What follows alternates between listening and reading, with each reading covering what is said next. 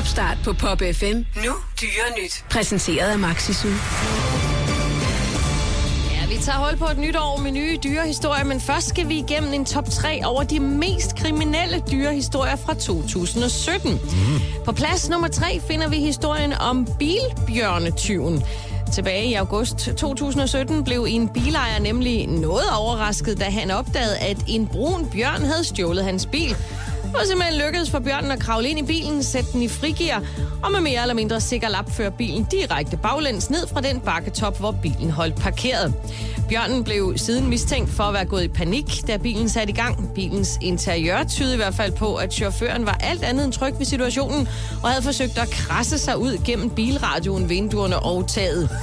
Bjørnen forlod uskat den havarerede bil, hvilket er mere end man kan sige om køretøjet, der oven i hatten var blevet efterladt med en kæmpe ildelugtende bjørnehømhøm på bagsædet. på plads nummer to skal vi omkring South Shields i England, hvor en tilfældig kunde i en købmandsbutik blev vidne til et snedigt tyveri ved højlys dag. En måge med skumle motiver listede ganske enkelt op til butikkens automatiske døre, blev lukket ind og trippede hastigt forbi kassen og hylderne med magasiner for at komme uset hen til hylderne med chips. chips Her nappede den hættebærende forbryder en pose sour cream and onion chips, hvorefter den tog fugleflugten samme vej tilbage. I forbløffende højt tempo trippede den hen til de automatiske døre og blev lukket ud i friheden med sit bytte. Desværre for chipstyven blev hele ugerningen fanget på video. Så må ikke vi kan se den skyldige på en diæt af vand og brød inden længe.